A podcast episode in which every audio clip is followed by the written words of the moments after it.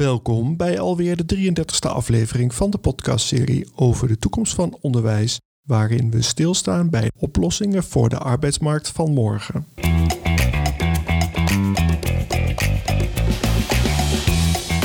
In de afgelopen afleveringen heb je kunnen luisteren naar werkgevers, werknemers, docenten en studenten die niet alleen een visie hebben op de toekomst van onderwijs, maar ook daadwerkelijk stappen zetten om die visie nu te realiseren.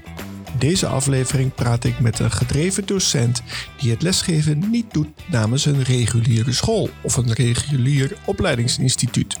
Mijn gast van vandaag heeft zijn eigen school gestart op het gebied van artificial intelligence en data science.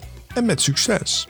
Interessant daarbij is dat bijna alle docenten en trainers van deze school naast het lesgeven ook nog een parttime baan hebben bij een ander bedrijf. En dat is een bewuste keuze. Dat past namelijk goed bij het idee dat docenten niet 100% voor de klas moeten staan, maar juist ook actief moeten blijven op de werkvloer. Op die manier houd je je kennis als docent immers relevant en actueel. En dat kan je dan gebruiken in je lessen met je studenten.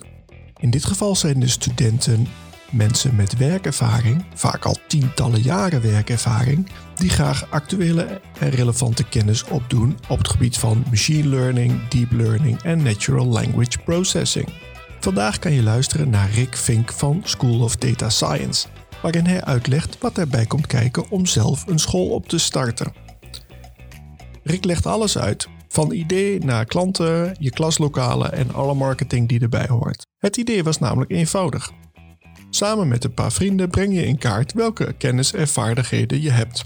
Niet zomaar kennis en vaardigheden, maar kennis en vaardigheden waarmee je een cursus kan gaan geven. In het geval van Rick ging het niet alleen om machine learning en deep learning, maar ook om Python, Internet of Things, robotica, data-analyse en data science en artificial intelligence. De volgende stap is dan hoe vind je je publiek? Rick en zijn team hadden een slimme manier gevonden om snel uit te vinden welke onderwerpen het meest gevraagd werden in de markt. Zonder al te veel marketinginspanningen wisten ze: dit zijn de cursussen die we als eerste gaan uitwerken en aanbieden. En dat is pas de eerste stap om een echte school op te zetten. Want uiteraard zal Rick ook uitleggen wat hij heeft gedaan op het gebied van huisvesting, financiën en marketing. Mijn naam is Ronald Scheer en ik wens je veel plezier bij het luisteren naar mijn gesprek met Rick Vink van School of Data Science. En eerst legde Rick uit wie hij is, wat hij gestudeerd heeft en wat hij direct na het afronden van zijn studie als eerste heeft gedaan. Mijn naam is Rick, afgestudeerd aan de TU Delft. Ik heb de master natuurkunde gedaan.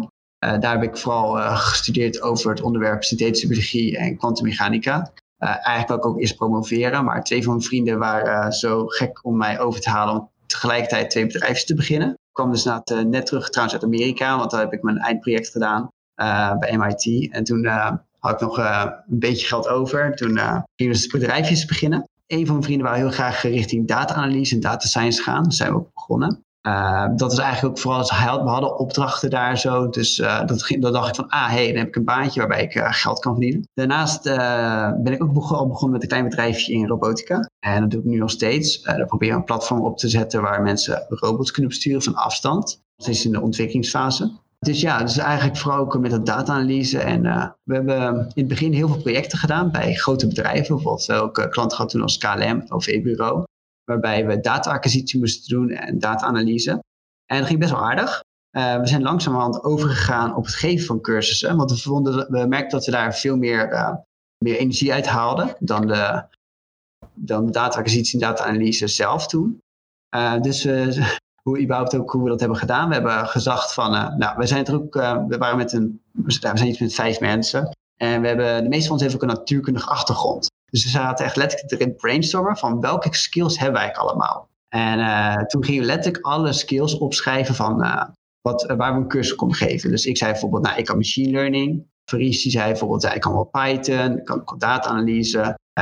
Had ook nog een paar cursussen, bijvoorbeeld appsontwikkeling en dat soort dingen. Dus we hebben allemaal cursussen opgeschreven die wij eventueel konden geven. Ik heb ook nog IoT en robotica ernaast bij gezet. En die, al die cursussen hebben online gezet op een platform dat heet Springest. En we gingen kijken nou, waar de meeste aanvragen op zijn. Die cursussen gaan geven. Dus dat was onze methode. Dus we hebben al die cursussen online gezet, de tekst bijgeschreven. En toen, ging dat, uh, toen merkte hij dus dat een paar cursussen heel goed liepen. Bijvoorbeeld machine learning was bij mij degene die de meeste mensen wouden. Daarom zijn we echt doorontwikkeld uh, op machine learning, tenminste voor mij. En bij ook data science deed het heel goed en Python. Dus daarom zijn we nu ook bij School of Data Science heel gefocust op data science en machine learning en Python. Want we zagen daar de meeste vragen erbij was. Dus blijkbaar vulden we een gap die op dat gebied was. Uh, IoT heb ik ook nog steeds af en toe een aanvraag, maar dat is wel echt een stuk minder dan machine learning. Ik weet niet precies waar dat aan ligt, want in het begin was IoT ook nog wel vrij populair. Maar ik merk toch dat systematischer machine learning populairder was. Misschien ook ook toepasbaarder is voor veel mensen, weet ik niet. Dus uh, dat is eigenlijk ook wel grappig dat ons bedrijfje dus van data-analyse is geëvalueerd naar een bedrijfje in data science en machine learning cursus geven. Puur vanwege vraag en aanbod. Dus op zich ook wel leuk hoe dat gelopen was. En uh, we waren echt heel erg goed bezig met uh, ons bedrijfje ook uitbreiden. En hoe lang geleden is het dat jullie zijn gestart? Ik denk dat we nu ongeveer dit sinds drie jaar doen. Dus we hadden toevallig net voor corona ook een extra pand erbij genomen. We dachten ja, want we, we hadden maar één locatie in Den Haag waar we cursussen gaven.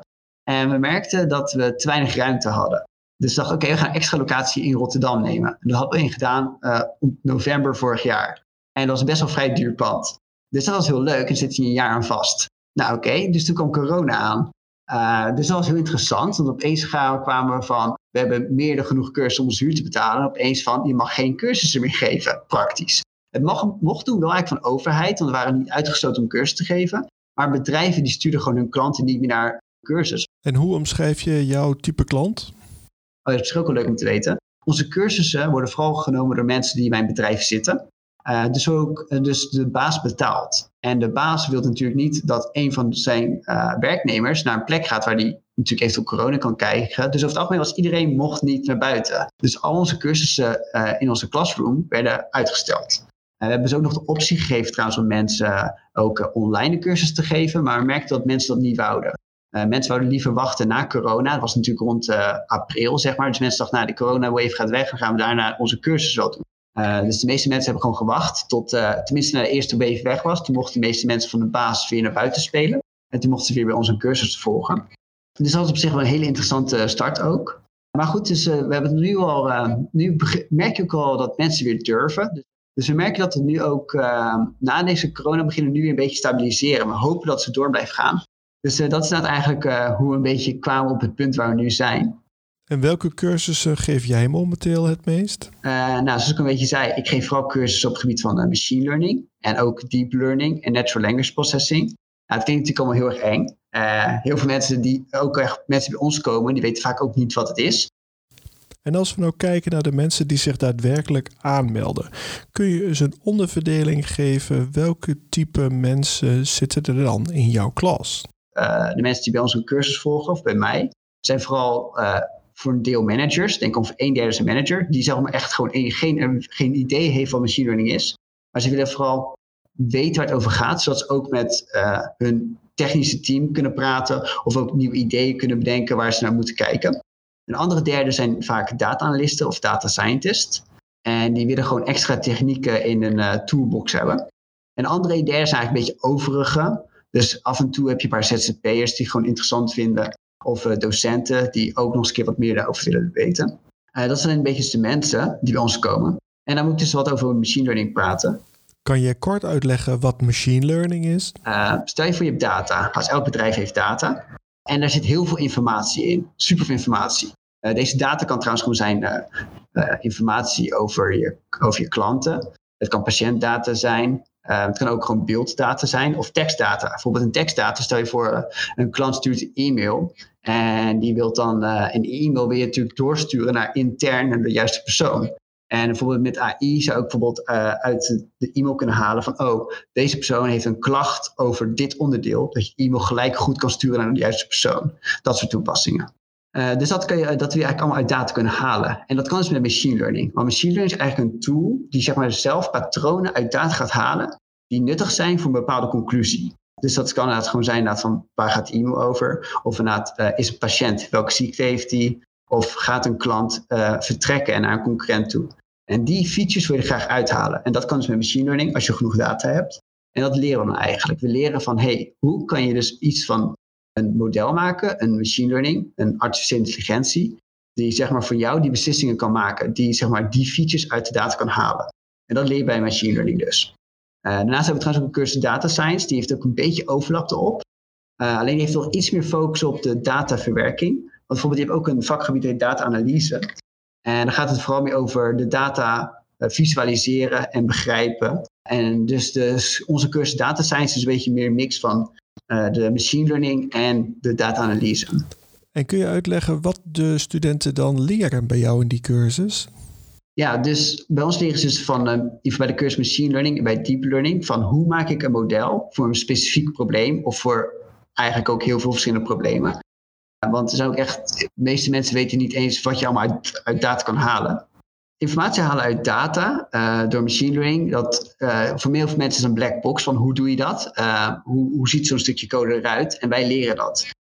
Eh, aan die mensen. Van hoe schrijf je nou een stukje code wat data kan interpreteren? Hoe kan je nou een stukje code schrijven in een computer wat uiteindelijk bijvoorbeeld tekst kan interpreteren en daar een conclusie uit kan trekken. we willen zeg maar eigenlijk dat dus mensen aanleren.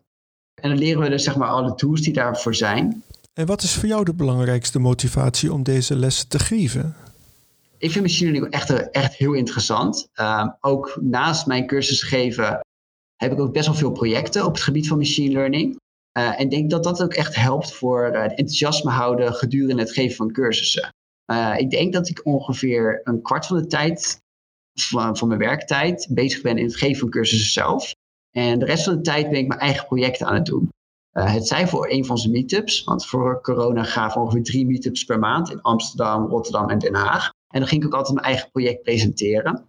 Dus daar deed ik af en toe mijn eigen projecten voor. En ook gewoon eigen leuke projecten. Kan je daar eens een voorbeeld van geven?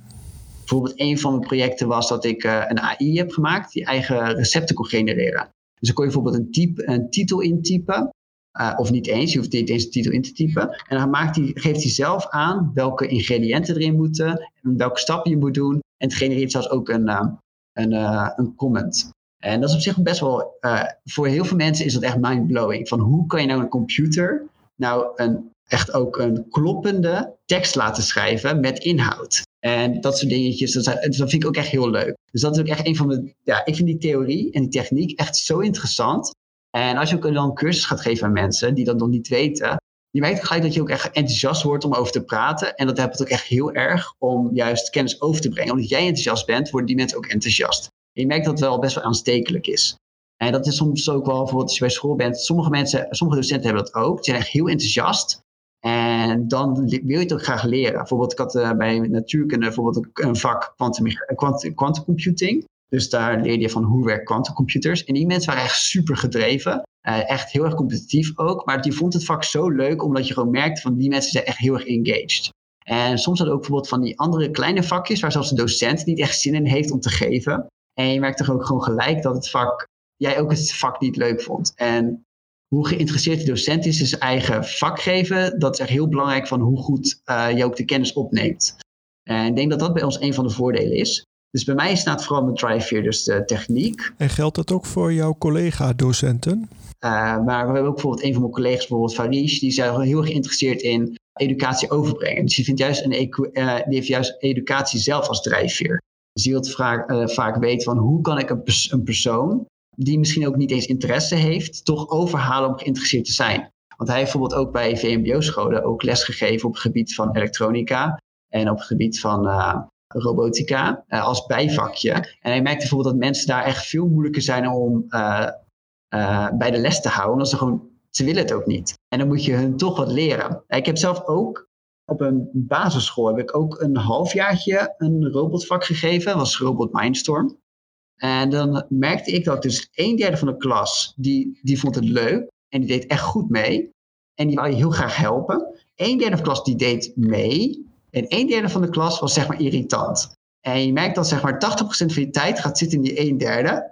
En dan die andere, uh, andere deel, die zeg maar, die eigenlijk, je zou eigenlijk met hun meer willen uh, voorttrekken. Want zeg maar, hun zijn enthousiast en vinden het leuk.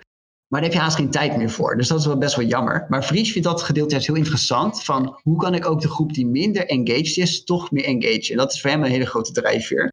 En ik denk dat dat ook voor hem juist ook wel een extra kracht is voor uh, het geven van cursussen bij ons. En daarnaast heb je ook nog uh, dat is een andere iemand die ons uh, cursus geeft. Hij heeft meer een achtergrond in projectmanagement. Hij werkt ook op dit moment nog steeds bij een ander bedrijf, een technisch bedrijf, als een projectleider.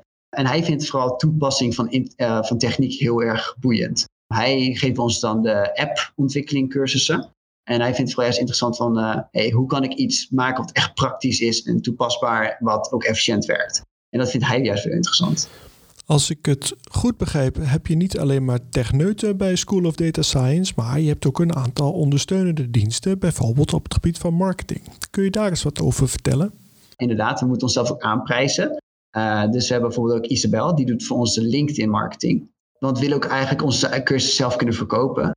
Uh, misschien ook wel leuk was achtergrondinformatie. Uh, toen ik zei dat we onze cursus hebben verkocht in het begin, toen hebben we dus random cursus online gegooid nou, random, gewoon cursus waar wij van dachten, dit kunnen wij sowieso geven. Toen hebben we het allemaal op een platform gedaan. En toen echt 90% van onze, of naar 90, 99% van onze aanmeldingen kwam via dat platform, terwijl we ook een website hadden, maar niemand kwam daarop. Dus toen waren we ook aan het denken van, goh, hoe kunnen we mensen onze website trekken? Dus nu zijn we ook bezig met uh, LinkedIn, meer informatie zetten. En ook onze SEO van onze website verbeteren, zodat we ook meer traffic krijgen via onze website. En dat is nog best wel een heel gedoe. Want op zich uh, vind het platform ook heel, heel prima. We vinden ook niet erg dat mensen via het platform komen. Maar we willen niet afhankelijk zijn van één platform alleen. En dat vraagt ook best wel veel energie. Bijvoorbeeld, volgens mij hebben we echt een jaar of anderhalf jaar energie gestoken in onze website, maar nooit direct een sale uitgehaald. We merkten gewoon dat het best wel lastig is om zoiets op te zetten, dat mensen graag bij je website iets kopen. En daar Isabel helpt ook mee, dat we zeg maar LinkedIn content, dat ook onze naam ook daardoor uh, breder bekend wordt. En heb je ook nog andere mensen in je team? We hebben ook nog uh, andere mensen in ons team, uh, waaronder bijvoorbeeld Tina. En die geeft af en toe ook nog een cursus in presenteren. zij werkt nog steeds gewoon bij de gemeente Den Haag. En ehm, zij is heel geboeid te presenteren. Ze vindt het juist het overbrengen van kennis naar collega's heel interessant. En zij geeft, dus staan we ook bij ons cursus in hoe je goed kan presenteren aan anderen. Oh, wauw, dat klinkt supergoed. Vanaf het hele begin heb je dan al een enorme groei doorgemaakt. En dat was niet altijd even makkelijk. Ja, zeker ook voor ons in het begin was het echt heel lastig. Want zei van, uh, ja, uh, ik was net klaar van mijn studie. En je hebt misschien voor je studieschuld nog uh, eh, 2000 euro over op de bank. Dus ik dacht ook überhaupt in het begin van, ik ga een steady baan nemen en parttime. En dan parttime eigen bedrijf oprichten. Dus ik wou vooral die robots doen. want daar had ik de meeste interesse in op dat moment. En toen zei een van mijn andere vrienden, dus Faris, die zei van, hey, dan zo bij ons data-analyse doen en dan gaan we gewoon projectjes aannemen en dan krijg je daaruit mij, eh, van, uh, van ons bedrijf je salaris. En toen zei ik, oké, is goed. Uh, alleen echte is, zeg maar, toen de helft van het team, uh, die was toch op het laatste moment besloten om toch iets anders te gaan doen. Dus opeens was ons team twee keer zo klein, waardoor opeens wel weer financiële problemen kwamen.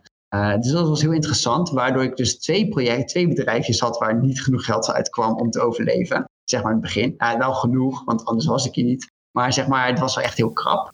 En wanneer kwam het omslagpunt dat je dacht, nu gaat het echt wel goed met het bedrijf? Ik denk dat het tweede jaar wel het lastigste was, want toen was het zeg maar echt uh, het omslagpunt van, uh, je kon zeg maar, je tikte de rode lijn heel vaak aan en meestal tikte je de rode lijn af van onderen, niet van boven zeg maar. Dus dat is zeg maar een half jaar dat je echt gewoon elke keer. Ja, zeg maar, je kan sowieso. Uh, ik, bij mijn bank kon je min, min 500 in de min komen. Dus bij mij was gewoon min 500 was mijn nullijn geworden. Maar na een half jaar, toen ging de cursus ook steeds beter lopen. En toen zijn we daar uitgekomen. En dat is zeg maar echt sinds. Dus, nou, ja, ik zou nu dan zeggen dat we nu sinds in jaar drie of jaar vier zitten, zeg maar dat nu is echt gewoon goed aanlopen. Dus bij ons had het echt ook al twee jaar nodig voordat we echt een business hadden dat je denkt van ja, hier kan ik wel wat zeker uit zijn. Dus dat kost nou best wel veel tijd. Ja, en nu vanwege de corona is dat natuurlijk weer een beetje onzekerder geworden. Want eerst dachten we, ah, het gaat eindelijk goed. Zoals ik al zei, we investeerden ook in een nieuw pand, wat extra kosten met zich meebrengt. Dus dat was uh, nou, het wel het was, was ook echt letterlijk een commitment. Op dat dag van, kunnen we het aan? Kunnen we een nieuw pand erbij doen? Zag je, ja, we hebben zoveel, we hebben genoeg cursussen, dus het komt echt helemaal goed. En toen uh, corona kwam, dacht ik van, oef, extra kostenpost gedurende corona, niet echt leuk. Maar gelukkig lopen, uh, nemen een aantal cursussen wel nu alweer toe. We merken dat mensen, uh, of bedrijven misschien, of mensen zelf nu wel weer cursussen live willen doen. Nou, dat klinkt supergoed. Waar kan de luisteraar die geïnteresseerd is in een cursus op gebied van machine learning of deep learning, Python, waar kan die nou contact met jou opnemen? Wij hebben al onze cursussen staan op onze website uh, www.schoolofdatascience.nl. Uh, daar staan al onze cursussen in, van beginners. Uh, bijvoorbeeld mensen die geen ervaring met programmeren überhaupt. we hebben de Python cursussen voor. En ook cursussen bijvoorbeeld voor mensen die nog geen ervaring hebben met programmeren, maar ook nog geen ervaring hebben met data science, hebben bijvoorbeeld Python Essentials. Uh, daarnaast uh, hebben we cursussen voor iets meer ervaren mensen. Bijvoorbeeld de data science. Dat is voor mensen die heel goed toegepast data willen analyseren en verwerken en simpele modellen willen maken. de cursus die ik bijvoorbeeld geef is aan machine learning. Dat gaat ook meer theoretischer kant op en praktisch. Dus bijvoorbeeld hoe werkt machine learning en hoe pas je het toe en uh, wat kan je er allemaal mee? Uh, dan heb je nog de meer advanced cursussen. Dan kom je richting deep learning. Want deep learning is zeg maar op dit moment echt de state-of-the-art machine learning. Wat zeg maar al die vage dingen kan als taal interpreteren. beelden kan herkennen. Het kan ook zeg maar ook naar geluid luisteren. die dingen kan je allemaal met deep learning doen. Dus hebben deep learning cursussen voor. En bijvoorbeeld en die hebben ook opgedeeld. Dus als mensen, we hebben bijvoorbeeld een hele deep learning cursus die al die dingen checken, al die boxes checken. We hebben ook uh, die dingen opgesplitst. Bijvoorbeeld, we hebben individuele cursus in taalanalyse, dat heet Natural Language Processing. Uh, we hebben ook andere cursus in uh, beeldverwerking en beeldgeneratie. Dus hoe je kan beelden verwerken, beelden kan maken. En je geeft toch ook cursussen op het gebied van robotica. Wat is het wat de mensen daar leren in die cursus? Dat heet reinforcement learning. En dat zijn robots uh, die eigenlijk een beetje overeenkomen met, met die coole robots die je altijd in je eigen hoofd hebt. Die leren aan, afhankelijk van beloning en straf. Dus uh, hoe kan je robot leren dingen doen door ze te belonen of te straffen? En dat is reinforcement learning. Daar hebben we ook nog een cursus voor. Uh, we merken wel dat ja, die cursus echt vooral meer enthousiast voor enthousiastelingen. Want we werken bijvoorbeeld bedrijven die echt gewoon kaart direct iets praktisch. Uh, en daar is natural language processing duidelijk een beter ding voor. Want in taal zit zoveel bruikbare kennis voor bedrijven. Dus ja, dus voor School of Data Science, die onze website is een hele goede plek om te kijken voor cursussen. Nu weet ik dat een beschrijving op de website misschien niet volledig en toereikend is om mensen te overtuigen om deel te gaan nemen aan jouw cursus. Je hebt me wel eens verteld dat je ook meetups organiseert waarbij mensen dus meer persoonlijk verhaal krijgen en meer persoonlijk vragen ook kunnen stellen. Doen jullie dat nog steeds? We hebben drie meetups en dat is volgens mij Exploring Artificial Intelligence. En daar hebben we drie meetups voor. Exploring Artificial Intelligence Den Haag, Exploring Artificial, Artificial Intelligence Rotterdam en ook eentje voor Amsterdam. Uh, daar posten we onze uh, meetups. En zijn er nog andere manieren waarop mensen kennis kunnen nemen van jouw cursussen? Over twee weken ga ik een webinar geven over uh, hoe je taal kan analyseren met, met deep learning. Maar dat is wel wat oppervlakkiger, want het is een uurtje lang. Dus het gaat meer om dat je het conceptueel een beetje kan volgen. Dus op zich ook interessant. Ik heb ook een uh, op Eventbrite heb ik het gezet. Dus als je wilt, kan je, kan je komen luisteren naar hoe je taal kan analyseren uh, met uh, machine learning. Als je dit allemaal zo overziet, de hele start van je idee en de start van je bedrijf en hoe het dan gaat met de cursus ontwikkelen, je publiek vinden, de huisvesting, de financiën, zou je andere mensen adviseren om een eigen school te beginnen? Oké, een bedrijfje opzetten voor geven van cursussen. Dat, uh, ja, dat, ik kan begrijpen dat dat veel mensen zouden doen. Als je het doet, doe het niet op het gebied van data science en machine learning, want anders hebben we meer concurrentie. Uh, maar uh, um, ja, zou ik het adviseren? het gaat er wel echt veel tijd in zitten. Ik wil niet aan iemand iets uitleggen en onzeker voelen. Zeg maar. Ik wil echt, zeg maar, altijd echt alles goed hebben uitgewerkt voordat ik iets geef. Dus ook elke, de eerste keer als ik een cursus geef, ben ik echt altijd echt anderhalve maand echt fulltime bezig met die cursus voorbereiden. Maar goed, als je nou gewoon echt de skills hebt, dan uh, denk ik dat cursus geven echt wel een hele goede uh, extra is. Um, of ik, ik weet niet of ik gelijk zou zeggen dat je 100% over moet gaan op cursussen. Misschien is iets van consultancy in combinatie met lesgeven. Of lesgeven in combinatie met je huidige baan. Wel een hele goede combinatie. Uh, dus dat zou ik er wel ook kunnen adviseren. Maar om echt fulltime een bedrijf te beginnen in cursus te geven, uh, vind ik achteraf best nog wel een risico. Dus ik zou inderdaad altijd nog even iets ernaast hebben. Een van de laatste vragen die ik altijd stel is: welke boeken lees jij zoal? Uh, ik lees eigenlijk vooral eigenlijk artikelen op bijvoorbeeld op Medium. Uh, ja, eigenlijk natuurlijk in mijn eigen bubbel. Als in het gaat allemaal over AI-techniek en dat soort dingen. Van hoe pas je deze AI toe of deze AI. Uh, dus ik lees daar vooral artikelen over op Medium of uh, op Towards Science of zoiets. Dus andere is eigenlijk gewoon volgens mij hetzelfde als Medium, alleen een verwante website daarvan. En ook af en toe natuurlijk gewoon dingen van Google zelf. Want Google heeft ook echt heel veel publicaties over AI. Ehm, ja, ik, eigenlijk als alles wat ik over lees, nou, wat ik lees, is eigenlijk vooral gerelateerd met AI. En heel af en toe nog steeds wat over kwantummechanica, want ik vind het leuk om te volgen. maar boeken zelf lees ik eigenlijk niet. En is er nog een interessante podcast waar je vaak naar luistert? Ik luister altijd naar Lex Freeman. Dat is een, ehm, een podcast die gaat over AI natuurlijk. Uh, hij heeft heel veel, uh, best wel grote namen ook in de podcast voorbij komen. Uh, Elon Musk is ook een paar keer geweest trouwens en al die mensen. Lex Freeman zelf, volgens mij is hij een onderzoeker, ik dacht bij MIT, kan ook Stanford zijn, ik weet niet meer. Hij heeft vooral mensen die praten over hoe hun kijken naar AI. En wat u verwacht in de toekomst. en het, zijn ook, ja, het zijn ook echt best wel de founders van machine learning of deep learning die daar langskomen. Dus dat vind ik echt een van de meest interessante, van Lex Freeman dus. En ja, daarnaast natuurlijk af en toe nog Joe Rogan, maar dat is alleen af en toe. Ja, Joe Rogan is natuurlijk een hele grote podcastheld. Afsluitend wil ik je bedanken voor dit gesprek. Ja, dank je. Uh, het was ook zeer leuk om hier aan deel te nemen. En daarmee zijn we aan het einde gekomen van deze aflevering van de podcastserie over de toekomst van onderwijs. Dank voor het luisteren. Wil jij na het luisteren van deze aflevering ook jouw kennis en ervaring delen? Graag kom ik in contact met studenten, docenten, werknemers en werkgevers die een visie hebben op de toekomst van onderwijs. Stuur mij een e-mail op ronaldscheer.gmail.com en vergeet je niet te abonneren op deze podcastserie, want binnenkort staat de volgende aflevering voor je klaar. Graag tot dan.